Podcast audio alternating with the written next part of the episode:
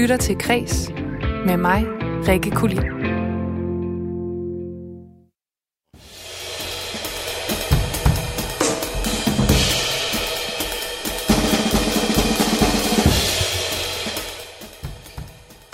er virkelig interessant, at når vi taler om Arne Jacobsen, så tror jeg, mange danskere forbinder sig med hans design. Hvis man bliver spurgt en udlænding, og man kan nævne noget rigtig dansk, så vil mange måske nævne H.C. Andersen, men de kunne også godt finde på at nævne Arne Jacobsen. Ægget, syveren, myren og svanen.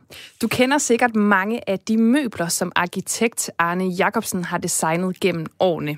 I dag der er han mere aktuel end nogensinde, og derfor så åbner museet Trapholdt i Kolding en ny udstilling under navnet Arne Jacobsen Designer Danmark. Og vi skal helt ind i din dagligstue i dag, hvor vi ser på de møbler og den æstetik, vi omgiver os med derhjemme. Velkommen til Kreds, hvor dagens tema er dansk design. Her får du både en øh, rundvisning i udstillingen på Trapholdt, og i studiet der får jeg senere besøg af en ung designer og iværksætter. Hun er inspireret af Arne Jacobsen, og så mener hun desuden, at dansk design i fremtiden gerne må være bæredygtigt og lavet af det ellers meget udskilte materiale, nemlig plastik. Men jeg kunne godt tænke mig at høre fra dig, der lytter med derude. Hvad er vigtigt for dig, når du indretter dit hjem? Byd endelig ind på sms'en. Du øh, sender en besked til 1424. I din besked, der starter du den med R4, laver et mellemrum, skriver beskeden og sender den afsted til mig. Og senere i programmet, der zoomer vi også ind på ligestilling på lønfronten i kulturbranchen. Og så sætter performanceartist Moesha Arden ugen på vers. Men inden jeg springer ud i dagens program, så får du som altid et overblik over de vigtigste nyheder fra kulturens verden. Maleri er mit liv og har altid været det.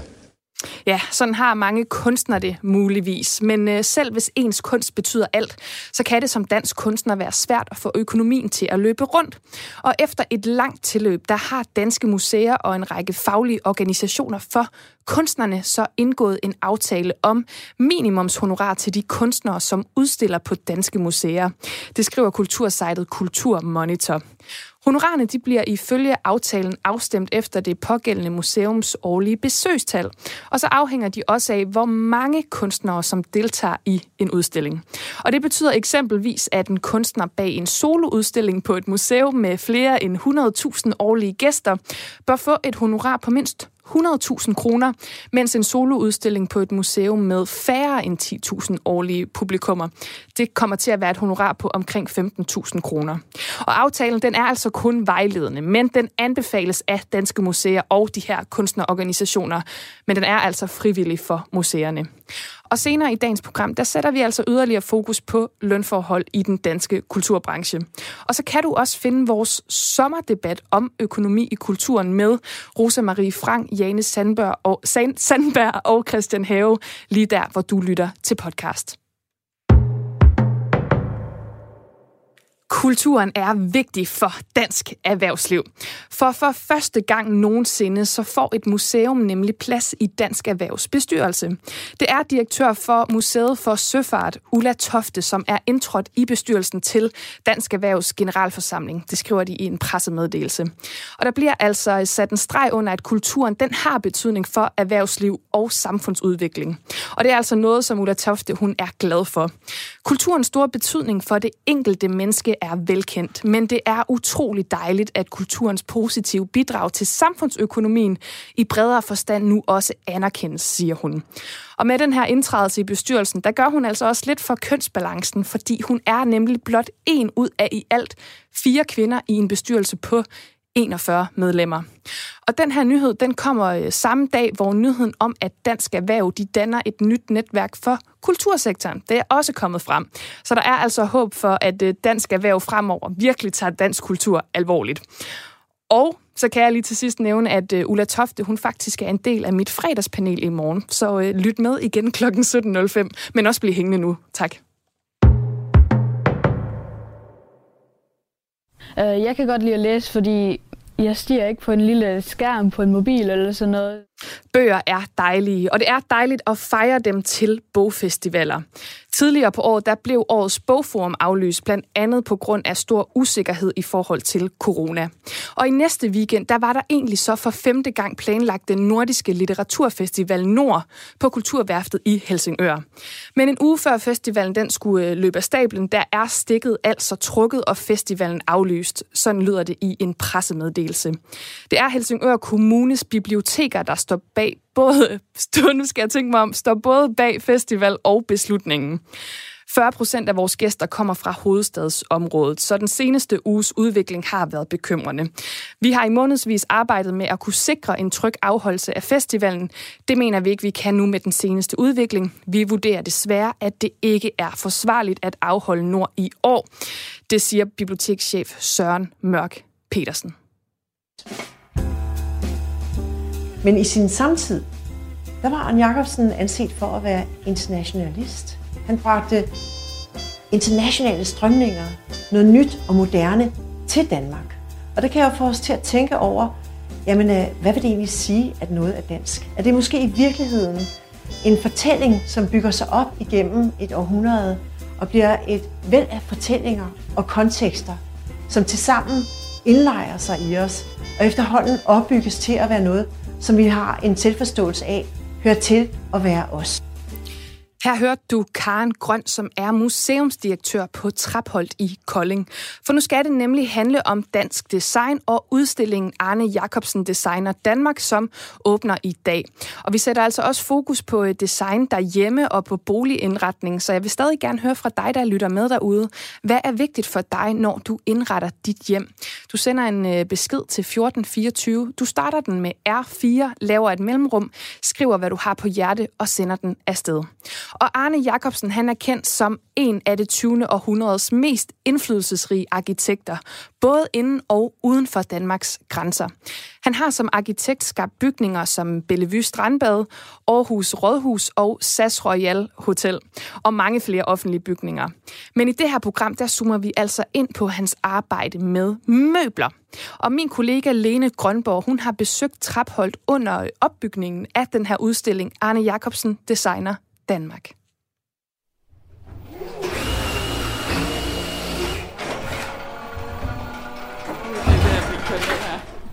Jeg hedder Karen Grøn, og jeg er museumsdirektør på Traphold. Jamen altså, vi står i den store særudstillingssal på Trapholt, hvor vi er i fuld gang med at øh, bore og hænge op, fordi vi er ved at installere den store Arne Jacobsen udstilling, som vi åbner på torsdag. Og et par indledende ord om Arne Jacobsen. Hvem var han? Jamen, Arne Jacobsen er en af de mest markante designere i Danmark. Hvis man hvis mange danskere, hvis de bliver spurgt af en udlænding, hvad er typisk dansk, så tror jeg, at mange danskere vil nævne et Arne Jacobsen møbel, hvor en englænder ville sige Shakespeare, så ville en dansker måske sige ægget eller myren. Så han er en designer, som øh, har påvirket os øh, i det 20. århundrede og sat sit præg på, hvordan vi øh, har indrettet vores øh, fælles offentlige og private rum, men øh, måske også, hvordan vi opfatter os selv. Og Arne Jacobsen, han har jo lavet rigtig mange ting, men i dag der har vi valgt, at vi skal se på hans møbler, måske især på hans stole, og vi står og kigger på dem netop nu sådan helt væk her med stole fra gulv til loft i en rigtig flot montre. Er der nogen af dem, du lige vil øh, fremhæve her? Ja, man kan ikke øh, sige Arne Jacobsen uden også at sige myren. Myren er en stol fra 50'erne, som Arne Jacobsen han fik sat i produktion, og som var en fuldstændig revolution inden for det, vi kalder for finierstole eller skaldstole. Arne Jacobsen havde arbejdet på, hvordan kan man lave en, en stol, som var det, der hedder dobbeltkrog, som havde flere bøjninger i finieren. Og han øh, arbejdede på det i lang tid, og øh, fik så en større ordre til en kantine på Novo, og fik den på den måde i produktion. Og stolen, den øh, står lige her. Den er trebenet, fordi den skulle øh, kunne passe ind i en lille lejlighed eller i en kantine, hvor der skulle kunne være mange, så der er plads til flere, når den er trebenet. Og så har den en karakteristisk talje, som sådan set er en teknisk finesse, der var nødvendig for at kunne lave den her dobbelt, øh, dobbelt krumme form. Øh, stolen øh, er blev så første stol i en lang kæde af stole, som vi så viser i den her kæmpe store hylde, hvor øh, vi har forskellige udgaver til stolen og tungestolen og syveren, som jeg fulgte efter, fordi folk de tænkte, ah, det her med at sidde på tre ben. Altså når man har fået et, øh, et par genstande, så bliver den altså lidt vakkelvogn, så vi skal også have en, en udgave med fire ben. Og det er måske nok en af de stole, som er mest kendte i Danmark. Faktisk på et tidspunkt, der anslog man, at 15 procent af alle husholdninger i Danmark har faktisk sådan en syverstol derhjemme. Men prøv lige at fortælle mig, når vi står og kigger på de her stole, så synes jeg jo, det ser ekstremt klassisk ud. Men det var det jo ikke i sin tid. Der var det måske endda meget sådan banebrydende. Hvorfor var det det? Ja, altså bare det at arbejde i Finer var en revolution. Under 2. verdenskrig, der havde man jo arbejdet med Finer i flyindustrien. Og øh, danske øh, møbelarkitekter, de var simpelthen i England øh, lige efter krigen for at studere det her fænomen med øh, og Charles Ray Eames arbejdede også med det. Så det var sådan den nye øh, øh, møbelform. Og det, der, det, det kan, det var, at man kunne begynde at arbejde med øh, møbler i industriel fremstilling. Så hvis man kunne få lavet en form, som man ligesom kunne få sat i produktion, så ville man jo på en måde kunne demokratisere øh, møbeludtrykket, fordi at det, man kunne lave en meget billigere stol, hvis man kunne få den industrielt fremstillet. Og på den måde så øh, skete der en stor ændring fra, at møbler skulle være snekkerfremstillet, til at man kunne få dem i serieproduktion. Og det var altså Finere en stor del af. Og Arne Jacobsen i særdeleshed en af de vigtige øh, aktører inden for det.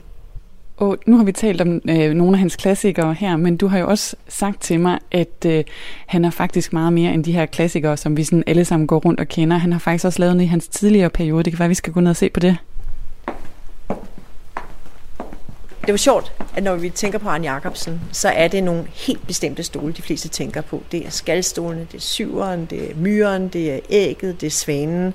Det er nærmest et 10 år i 50'erne, hvor han producerer en særlig type stole med den her organiske form. Men han lavede jo møbler hele sit liv. Og i udstillingen viser vi en række af hans tidligere møbler fra 30'erne og fra 40'erne. Dels en række malige lænestole i polster fra 30'erne, dybe, lave stole, som tidens trend var, og så også hans indretning til både Søllerød og Aarhus Rådhus. Og der kan man se, at det er jo mere traditionelle møbler, Udstillingen øh, fylder jo det meste af Trapholt, så vi øh, går fra det, der hedder særudstillingssalen, og så vil vi øh, bevæge os over i, øh, i centralsalen. Nu kommer vi så ind her i et lidt mindre rum, øh, hvor man også kan se, at øh, lidt længere ned ad gangen, der er folk sådan virkelig ved at sætte øh, det sidste af udstillingen i gang. Men hvad er det, du vil vise mig herinde? Jamen, herinde, der oplever vi Arne Jacobsens blik på verden. Det er sådan, han var fantastisk optaget af natur og observationer af sine omgivelser. Han øh, malede øh, med akvarel, hvad han så. Han lavede studier med skitser, og så havde han også et kamera, som han benyttede til at øh, lave observationer i, ude i naturen, men også af bygninger for eksempel. Og det er næsten helt af meditativ karakter, den måde han panorerer ind over øh, naturelementer, klipper, vandløb, sne, øh, træer, en øh, skorsten, røg, der kommer op af en skorsten, is, der brydes, når man sejler igennem det. Og øh, vi har nogle eksempler på, hvordan han for eksempel har en observation af et stykke natur, som han så øh, efterhånden får skitset frem til at blive til et øh, abstrakt tekstilmønster. Og det, som vi egentlig kan bruge det til i dag, det er lidt, hvordan vi alle sammen egentlig går rundt og, øh, og finder et perspektiv på den verden, vi ser.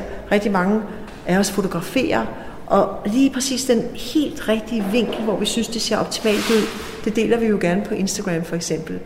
Og det, øh, det ville han måske have benyttet, hvis han havde levet i dag, fordi han har i hvert fald hele tiden været meget sanseligt observerende på øh, de omgivelser, han har været i. Arne Jacobsen er aldrig gået helt af mode.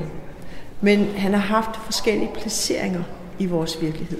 I den periode, hvor han ligesom bygger de store hoteller og biblioteker og øh, rådhuse og skoler, der kan man sige, at hans design det breder sig ud til alle os almindelige mennesker, som får adgang til høj kvalitet og stor skønhed. I øh, 80'erne og 90'erne, der sker der det, at hans design i højere grad bliver forbundet med at være Øh, kommunalt, institutionelt.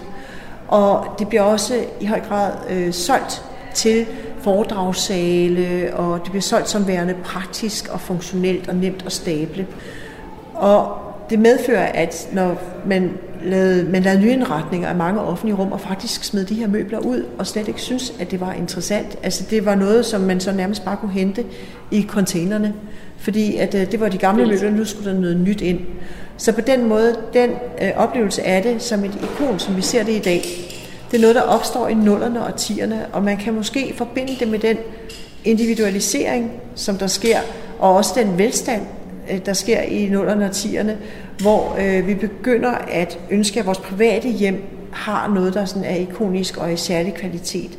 Og der kommer der hele den her sådan revival af dansk design, hvor man finder designklassikere frem, og ting, der måske aldrig har været i produktion. Den sofa, vi har her, der lige kommer i produktion, den findes der oprindeligt kun en af. Jeg tror, det er på Søllerøde Rødhus. Og så den nu kommet i produktion til os alle sammen. Så det handler også om, hvem vi er, og hvordan vi er i verden, og hvordan vores hjem bliver til et sted, øh, der udtrykker vores værdier og vores holdninger.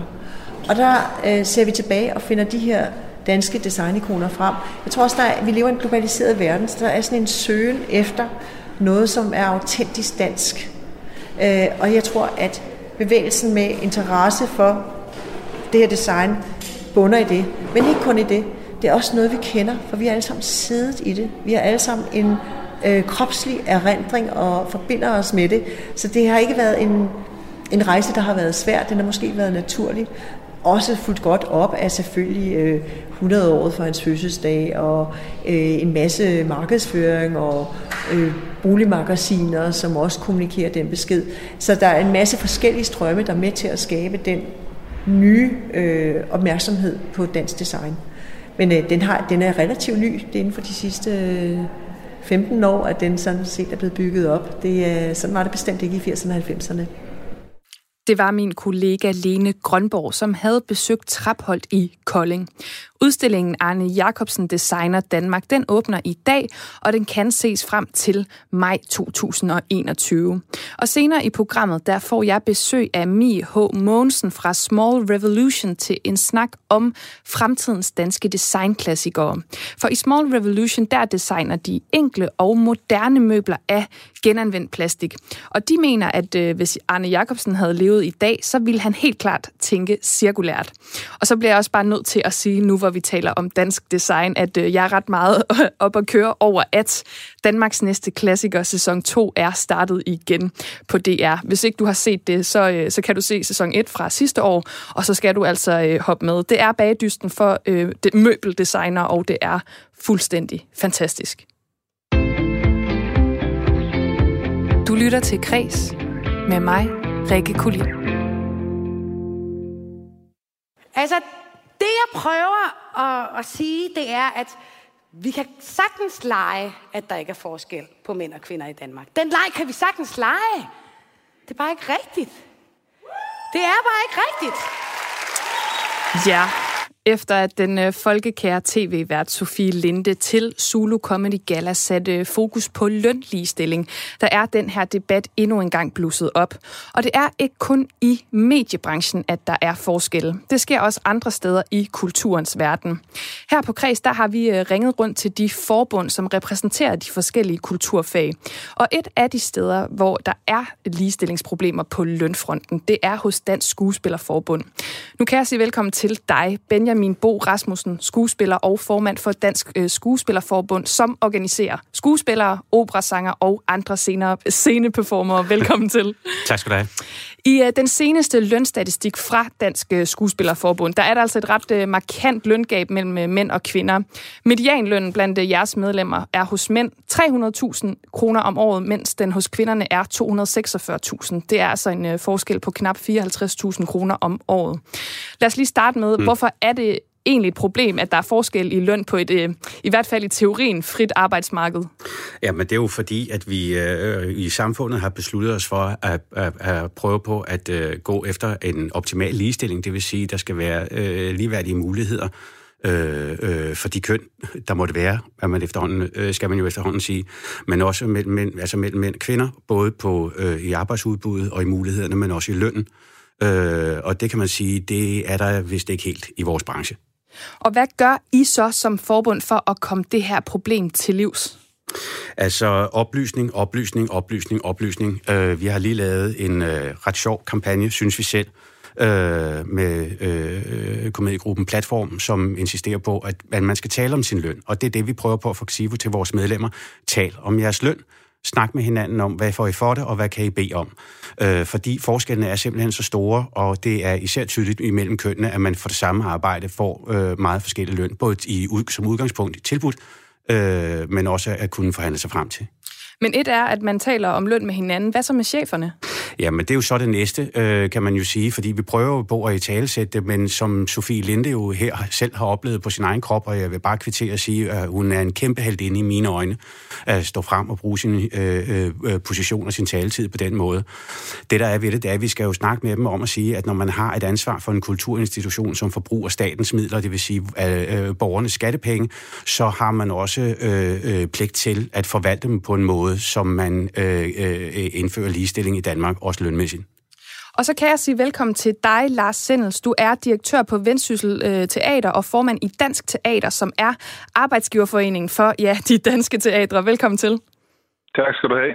Lars, anerkender du, at der er et problem i jeres branche, når det kommer til ligestillingen her på, øh, på lønfronten? Jamen, jeg synes, at i hvert fald tallet taler ret tydeligt på, øh, som, øh, som Benjamin er inde på. Så, så selvfølgelig er der jo et problem, øh, hvis, man ikke, hvis man får forskellige løn for det samme arbejde. Det er jo, det er jo helt klart ikke rimeligt. Og nu har vi jo hørt, øh, hvad Skuespillerforbundet de, øh, de gør, men reelt set, så er det jo også nogle chefer hos jer blandt andet, som står med de her lønposer og forhandlinger. Hvad står i vejen for at ændre det her, jamen lad os sige allerede i morgen? Jamen, der står vel ikke andet i vejen for det, at, øh, end at øh, nu er det jo sådan, at det er jo et frit arbejdsmarked, og man har jo fri ret til at forhandle de der lønninger. Øh, jeg er fuldstændig enig med Benjamin i, at det her det handler om oplysning og oplysning. Det gør det jo også rundt omkring på teaterne. Øh, og jeg, jeg kender, altså jeg ved, jeg, jeg kan jo se og høre, at der er problemer rundt omkring. Men på den side, så kan jeg også se, at, øh, at vi på vores teater for eksempel jo ikke skælder imellem. Der kan være mange grunde til, at, øh, at der er forskel på løn. Øh, øh, som, som har noget med ancienitet at gøre osv. osv., osv. Men det er klart, lige løn, altså det samme arbejde skal udløse den samme løn. Det kan der, ikke, det kan der jo ikke herske tvivl om. Øh, så må vi jo i fællesskab se på det. Vi har jo øh, fint samarbejde med Dansk Skuespillerforbund på rigtig mange områder. Det kunne jo være, det var noget, vi skulle se på i fællesskab, fordi vi, vi vil selvfølgelig gerne lege med. Jamen, så lad mig høre jer begge to. Jeg kan måske starte med dig, Benjamin Bo. Har du noget, du vil tilføje?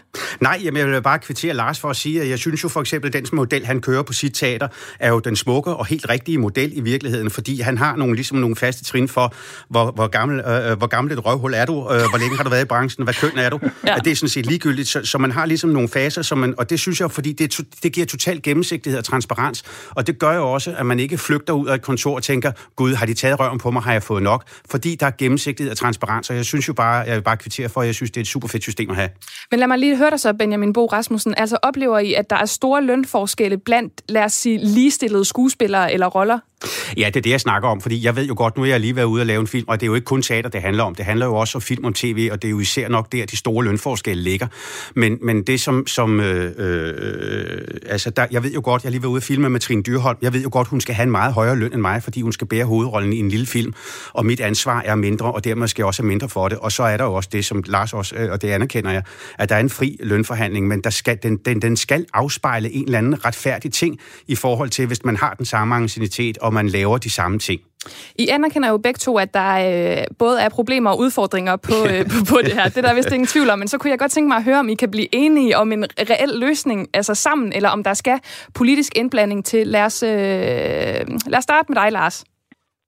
Nå, men jeg tror simpelthen, vi kan komme rigtig langt. Nu står vi over for øh, og skal i gang med overenskomstforhandlinger. Ikke?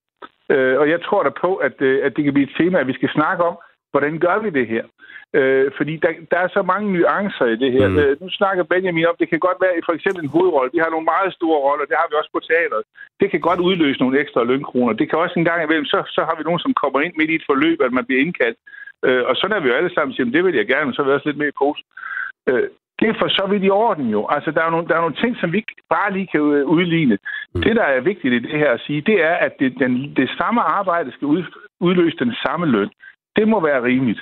Øh, og så, når det så er sagt, så får vi jo aldrig fuldstændig lige løn. Øh, fordi der er så mange andre nuancer i det, der gør, at, at den vil altid være forskellig.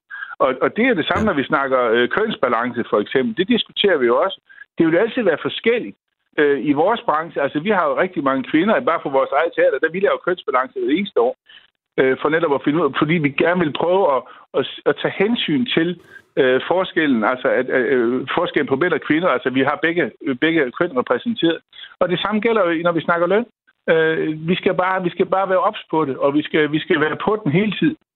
Og hvad siger du, Benjamin Bo Rasmussen? Altså, er det noget, man selv skal være ops på, eller er der også brug for en politisk indblanding? Altså, øh, ja, altså nu har det jo fået politisk lys, kan man sige, men jeg synes jo, Lars' øh, øh, øh, øh, hvad skal man sige, betragtning er den rigtige. Det der med, at det skal jo starte med en indre samtale mellem os, fordi i, i hidtil har det jo ofte været sådan, at dem der, øh, at, at der er nogen, der har, har været ked af det, af de her låneundersøgelser, fordi de føler, at de gør et rigtigt stykke arbejde.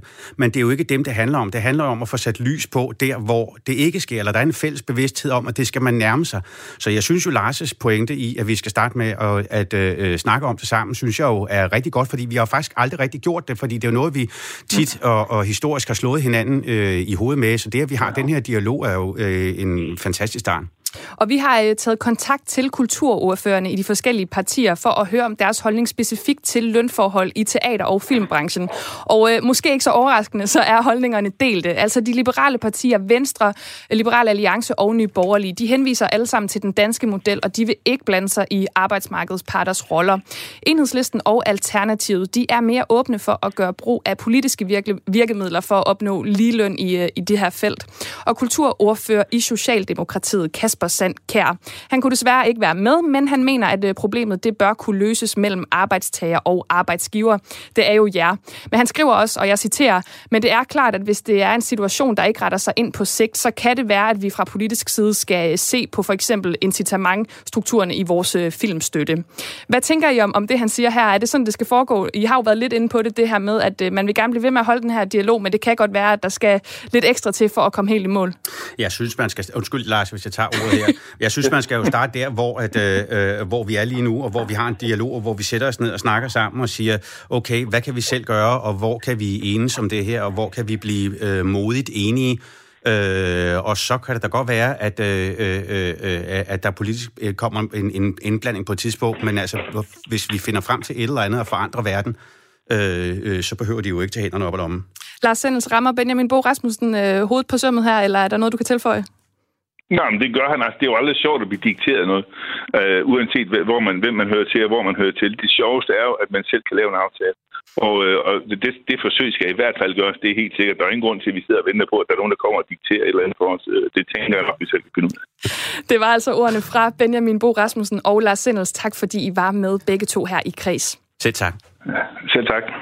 Ja, det er jo spændende at følge med i det her, og øh, Apropos ingenting, så øh, synes jeg, at vi skal spille Donna Summers She Works Hard for the Money. Øh, så jeg vidste ikke sagt for meget her. Det er en fremragende sang, og øh, det var altså ordene herfra.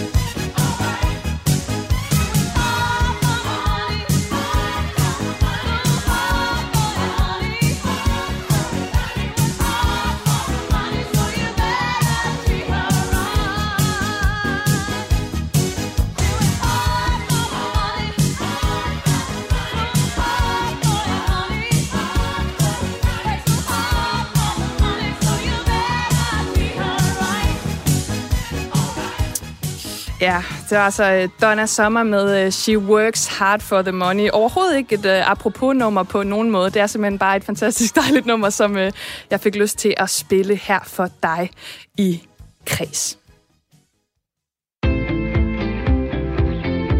Du lytter til Kres med mig, Rikke Kulin.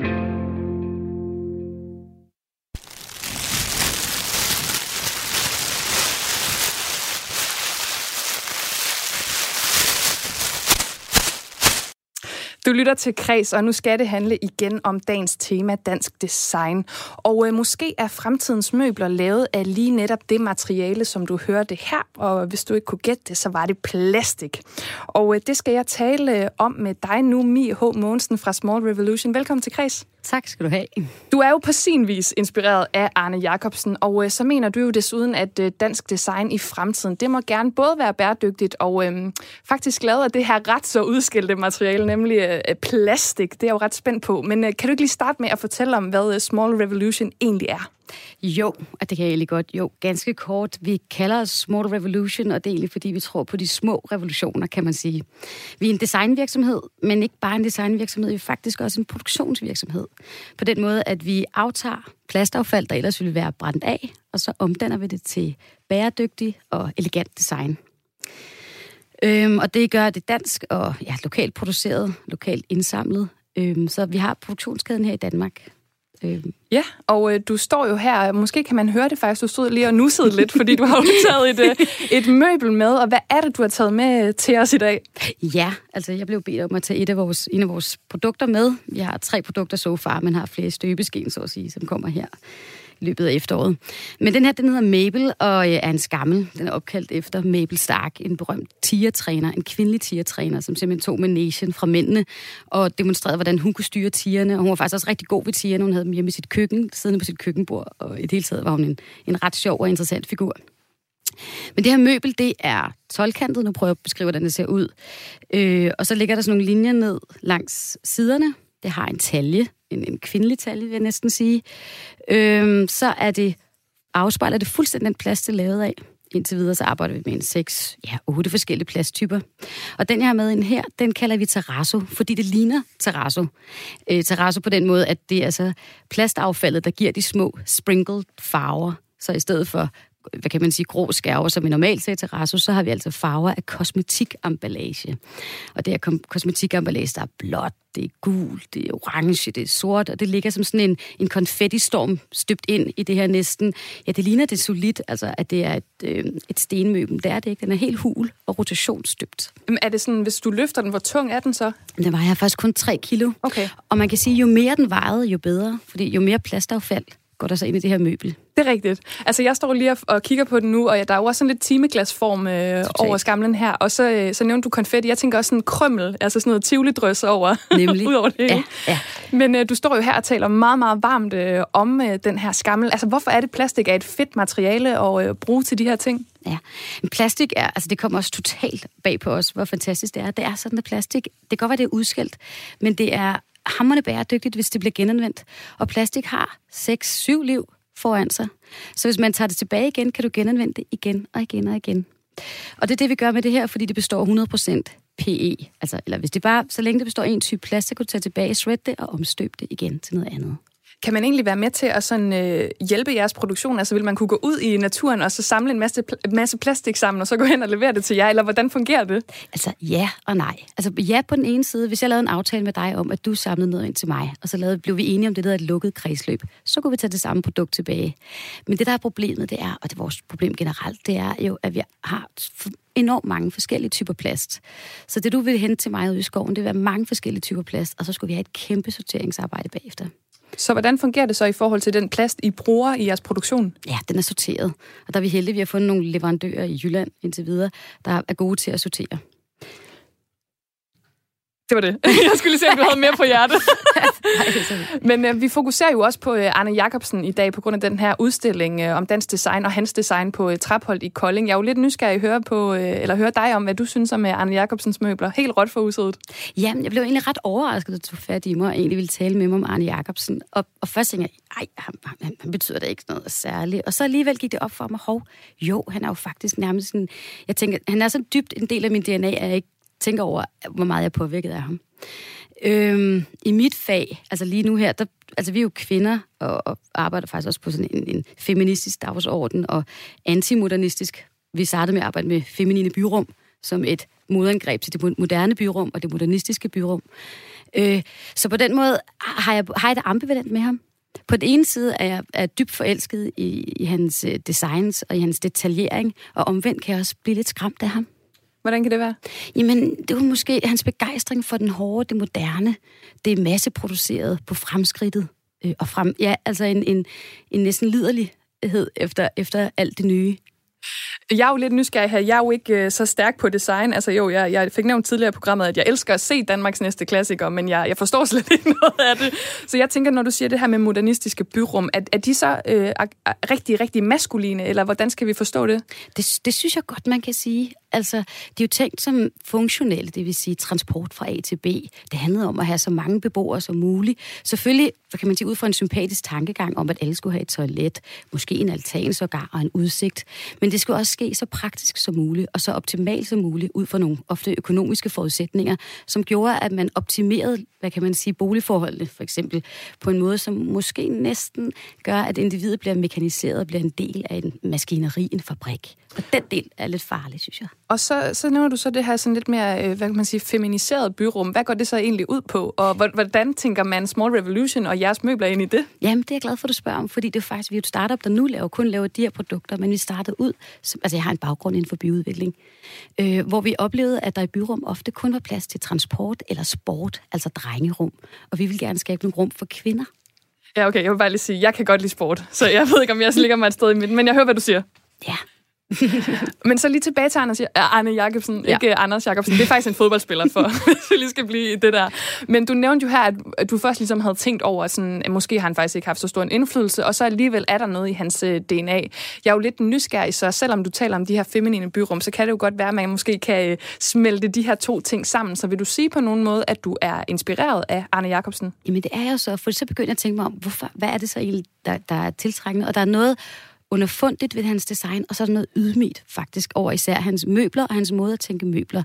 Institutionsmøblet introducerer han jo med til at introducere og cementere efter 2. verdenskrig. Han rider også med på et, et, altså et velfærdssamfund. Han, han er med til at etablere hvad kan man sige, adgang til design for folket, øh, for i hvert fald middelklassen og den øvre middelklasse. Øhm, og, og det ligger der faktisk noget utroligt demokratisk i hans design, og det kan jeg godt lide. Og det er jo fordelen ved det masseproducerede. Det er jo netop, at du kan, du kan til en nogenlunde pris levere et stykke smukt design. Derudover så synes jeg faktisk, at man kigger i detaljen, for eksempel på de ikoniske møbler, så er der noget svung og noget, hvad kan man sige, finurligt og poetisk ved, om det så er svanen, myren, øh, og hvad de ellers hedder, syveren, så synes jeg, at jeg fornemmer en, en poesi og en, øh, og en, og en blødhed, som, øh, som faktisk er hans styrke. Og nu nævner du sådan blødhed, og det er måske noget, vi mere sådan, øh, forbinder med det øh, mere feminiseret. Altså kan man samle de her to øh, retninger til noget, der er måske noget helt tredje? Ja, og det er sjovt, du siger det. Du nævnte taljen lige før på, på mit, vores møbel her i Small Revolution. Og det er sjovt, hans design er ofte meget taljet. øh, og, og, og så når jeg siger for eksempel, hvis han levede i dag, så er jeg sikker på, at han ville tappe ind i det, der hedder en cirkulær produktion. Ja, du har nemlig, og nu har du jo selv sagt det, du har nemlig sagt, at hvis øh, Arne Jacobsen han levede i dag, så ville han tænke cirkulært. Hvad betyder det først og fremmest, og hvorfor tænker du det? Ja, altså først og fremmest, så betyder cirkulær produktion og cirkulær vækst, det er, at vi begynder at tænke holistisk, tage tingene tilbage, at grundlæggende alt det, der omgiver os, er til låns, og det princippet kan genanvendes igen og igen. Vi skal ikke brænde af, vi skal ikke smide ud. Så det er et verdenssyn, og det kan man rent faktisk også skabe vækst på, fordi man i det, man genanvender, kan gøre tingene bedre, og stadig for eksempel tjene penge, eller skabe, skabe økonomi på det. Grunden til, at jeg tænker, at Arne Jacobsen godt kunne være en del af den bølge i dag, det er fordi, det er fremsynet. Og det er fordi, altså vi kalder det også Design with the Future, og det tror jeg også, han tænkte. Og det tror jeg også, han var inspireret af, når han så lavede Fremtidens Bolig, for eksempel. Den der runde, skøre pavillon, han sin tid lavede. Øh, og der tror jeg også, han ville være interesseret i at se, hvordan man kan gå indgå i det her kredsløb øh, at tænke fremad og innovativt. Ja, fordi han var jo også optaget af, hvad kan man sige, at lave kvalitet til, øh, til masserne. Øh, så, så altså, nu du startede med måske ikke at være så øh, engageret, Janne Jacobsen, men kan man sige, at han faktisk alligevel har sådan en, en det ved jeg ikke, en, øh, en fod for at blive, eller det ved jeg ikke, et stoleben i jeres, øh, i, i Small Revolution? Altså med den tanke, der er han totalt en del af vores mindset. Altså alt, min vådeste drøm jo, det er at lave institutionsmøblet i genanvendt plads, der kan tages tilbage igen og igen. Ja, og hvordan skulle det se ud? Jamen, der har jeg arbejdet med forskellige former. Altså, det her, det er jo rotationsstøbt, så det skal kunne stables, det skal kunne være nemt at flytte rundt på, og så må det rigtig gerne være vildt og farverigt. Og så bliver jeg nødt til at spørge, fordi du kan godt mærke, at jeg er ekstremt stor fan af Danmarks næste klassiker. Er det noget, du ser? Er det noget, du får inspiration fra? For det handler jo rigtig meget sådan om klassisk design, hvor jeg, jeg tænker, I er jo mere sådan øh, fremadsynet, lidt mere futuristiske. Jeg har set programmet få gange. Jeg synes, det er ret sjovt. Jeg elsker sådan nogle konkurrencer, hvor man skal blive bedre og bedre, og de konkurrerer mod hinanden. Jeg har ikke set det seneste afsnit. Men det, de hylder, det er selvfølgelig klassikeren. Og det, er der, og det synes jeg, man skal blive ved til. Og hvad ligger der i klassikeren? Der ligger en form for en-til-benet design. Øh, og skære alt det overflødige over og se på, hvad det egentlig essensen er af designet. Og det synes jeg også, vi gør. Vil man kunne, nu spørger jeg bare lige her til sidst, vil man kunne lave Danmarks næste klassiker øh, ud af plastik? Helt sikkert. Det kunne jo for eksempel være, være for eksempel. skammen, du har med her. ja, selvfølgelig kan man det. Som hedder Mabel. Det hedder Mabel, ja. Yes. Jamen, jeg vil sige tak, fordi du var med, Mi H. Mogensen fra Small Revolution. Tak.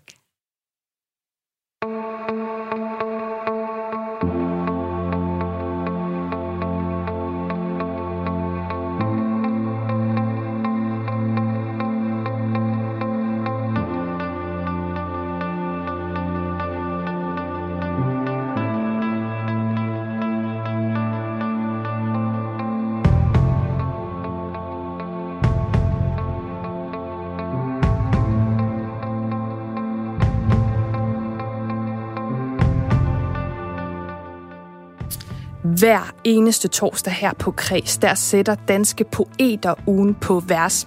Det gør de ud fra en nyhed, som har fyldt i medierne, og som er inspirationskilde til en spritny tekst eller et uh, spritnyt digt, som de har skrevet.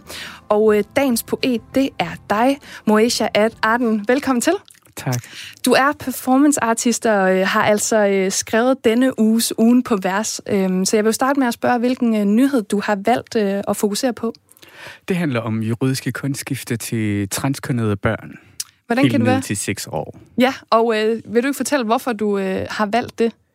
Øh, jamen, men det har jeg, fordi blandt andet øh, Weekendavisens øh, debatredaktion, eller debatleder, har skrevet om det øh, og argumenteret for, hvorfor han synes, at det var en god idé. Øh, og blandt andet på sociale medier hos øh, Henrik Dahl fra Liberale Alliances Facebook-side kørt der et øh, diskussioner. Og det ramte mig somehow, fordi øh, alt det kommentar, jeg læser, der er ikke nogen, der forholder sig til barnets tag. Så det er barnets tag, det her digt, det kommer til at fokusere på? Eller manglende på det samme.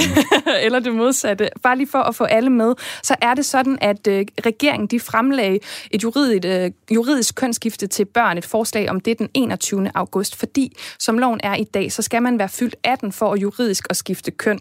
Og det vil sige, at man ændrer sit CPR-nummer den ene eller den anden vej, fordi øh, vi har et binært system, hvor der enten er et mandligt eller et kvindeligt CPR-nummer.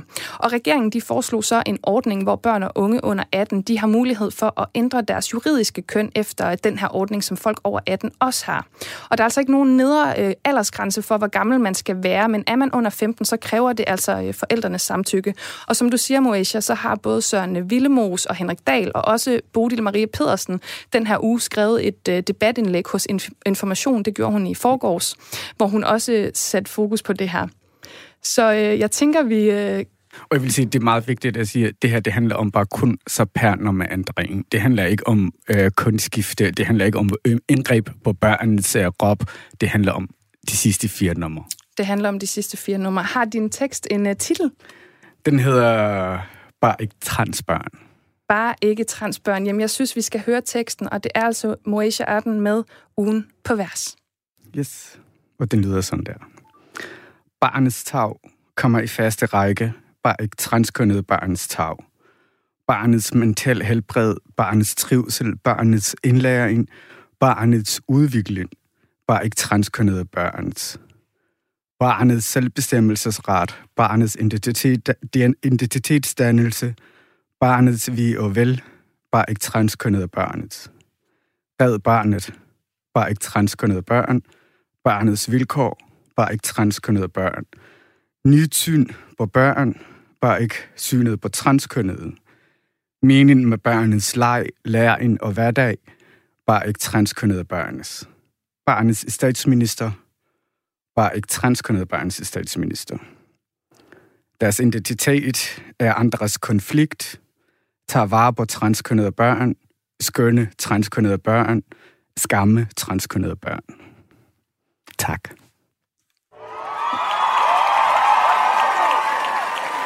Ja, jeg er ikke helt nok til, at jeg kan skabe et stort bifald, så jeg, jeg snyder lidt her.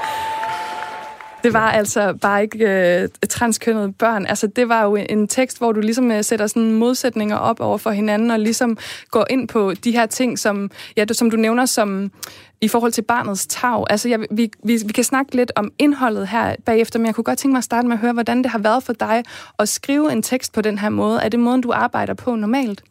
Øhm, det er det for det meste, øhm, at jeg tager noget udgangspunkt. Øh, det kan være i min egen hverdag, det kan være situationen, jeg oplever øh, med Rigshospital, med familie, med venner, og så prøve ord eller prøve at sætte ord på det. Og så for eksempel ligesom her, når det handler om juridiske kønsskifte til børn, så synes jeg, når jeg sidder og tænker mig lidt om, øh, over det, så fokuserer folk, folket på alt muligt andet, end det, der har med børnet at gøre. Øh, og når jeg skrev det, så synes jeg bare, det gav lidt mening.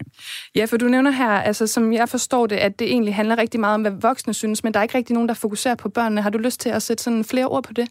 Nå, men jeg synes, det er tit, hvis man øh, bare tænker kort over, de folke, der forholder sig til transkønnede børnets øh, ret eller vi og vel, det er ikke nogen folke, der har aktier i det. Det er ikke nogen folke, der selv har børn. Det er ikke nogen, der ved, hvad det vil sige at have, som Søren Vilmod også siger, et børn med hvilken som helst diagnose. Og når det forholder sig til det, så handler det om fra deres politiske ståsted og religiøse ståsted. Og så tager man fuldstændig barnets tag ud af billedet. Og jeg synes tit, hvis man bare bruger begrebet barnets tag, når det handler om transkønnede børn, så vil mange voksne ikke sige eller gøre det, de siger om børnene.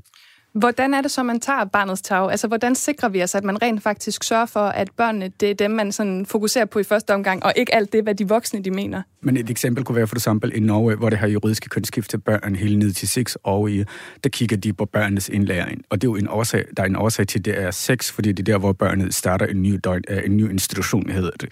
Og så tænker man jo på, jamen et børn, der mistrives med sin egen identitet, hvordan kan et skole eller en børnehave hjælpe dem med at lære en så der ved man jo også bare godt, at de går ud over børnets indlæring, børnets helbred, børnets mental. Det har øh, ligestillingsminister også øh, en undersøgelse på. Og hvis man skal komme det til livs, jamen, så skal man kigge på børnenes tag, og ikke det voksenes politiske ståsted. Og hvordan har du selv haft det her emne personligt inde på, på livet gennem tiden? Jamen det har jeg haft, fordi jeg var nogle af de faste, der 2014 øh, skiftede juridiske kønsskifte, fordi det var muligt for faste gange at gøre det, uden at skulle gennemgå en udredningsforløb, eller en øh, operation, eller øh, juridisk øh, kryske hedder det, øh, indgreb. Og har jeg selv haft den mulighed, da jeg var yngre, så havde jeg gjort det. Øh, og det ville have gjort en verden til forskel for alle transkønnede voksne og børn. Men nu taler vi om dem, der børn i dag.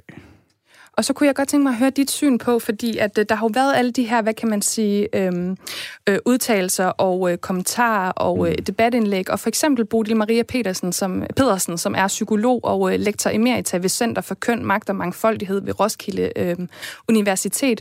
Hun skrev i forgårs et debatindlæg hos Information, og der synes hun faktisk, at i stedet for at vi taler om, om der er mulighed for juridisk kønsskifte i forhold til CPR-nummeret, så skal vi i virkeligheden sætte et tegn på hos alle til sidst, så vi gør op med den her binære forståelse forståelse i vores CPR-nummer.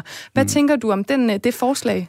Det forstår jeg også godt, og det er et langt større, disku- uh, langt større diskussion, og det vil også gavne, og den holdning er der jo også derude. Det vil sige, at der er også nogle mange øh, non-binært og mange andre folk, der ikke identificerer sig hverken som den ene eller den anden. For her taler vi om folk, der identificerer sig som en kvinde eller som en mand.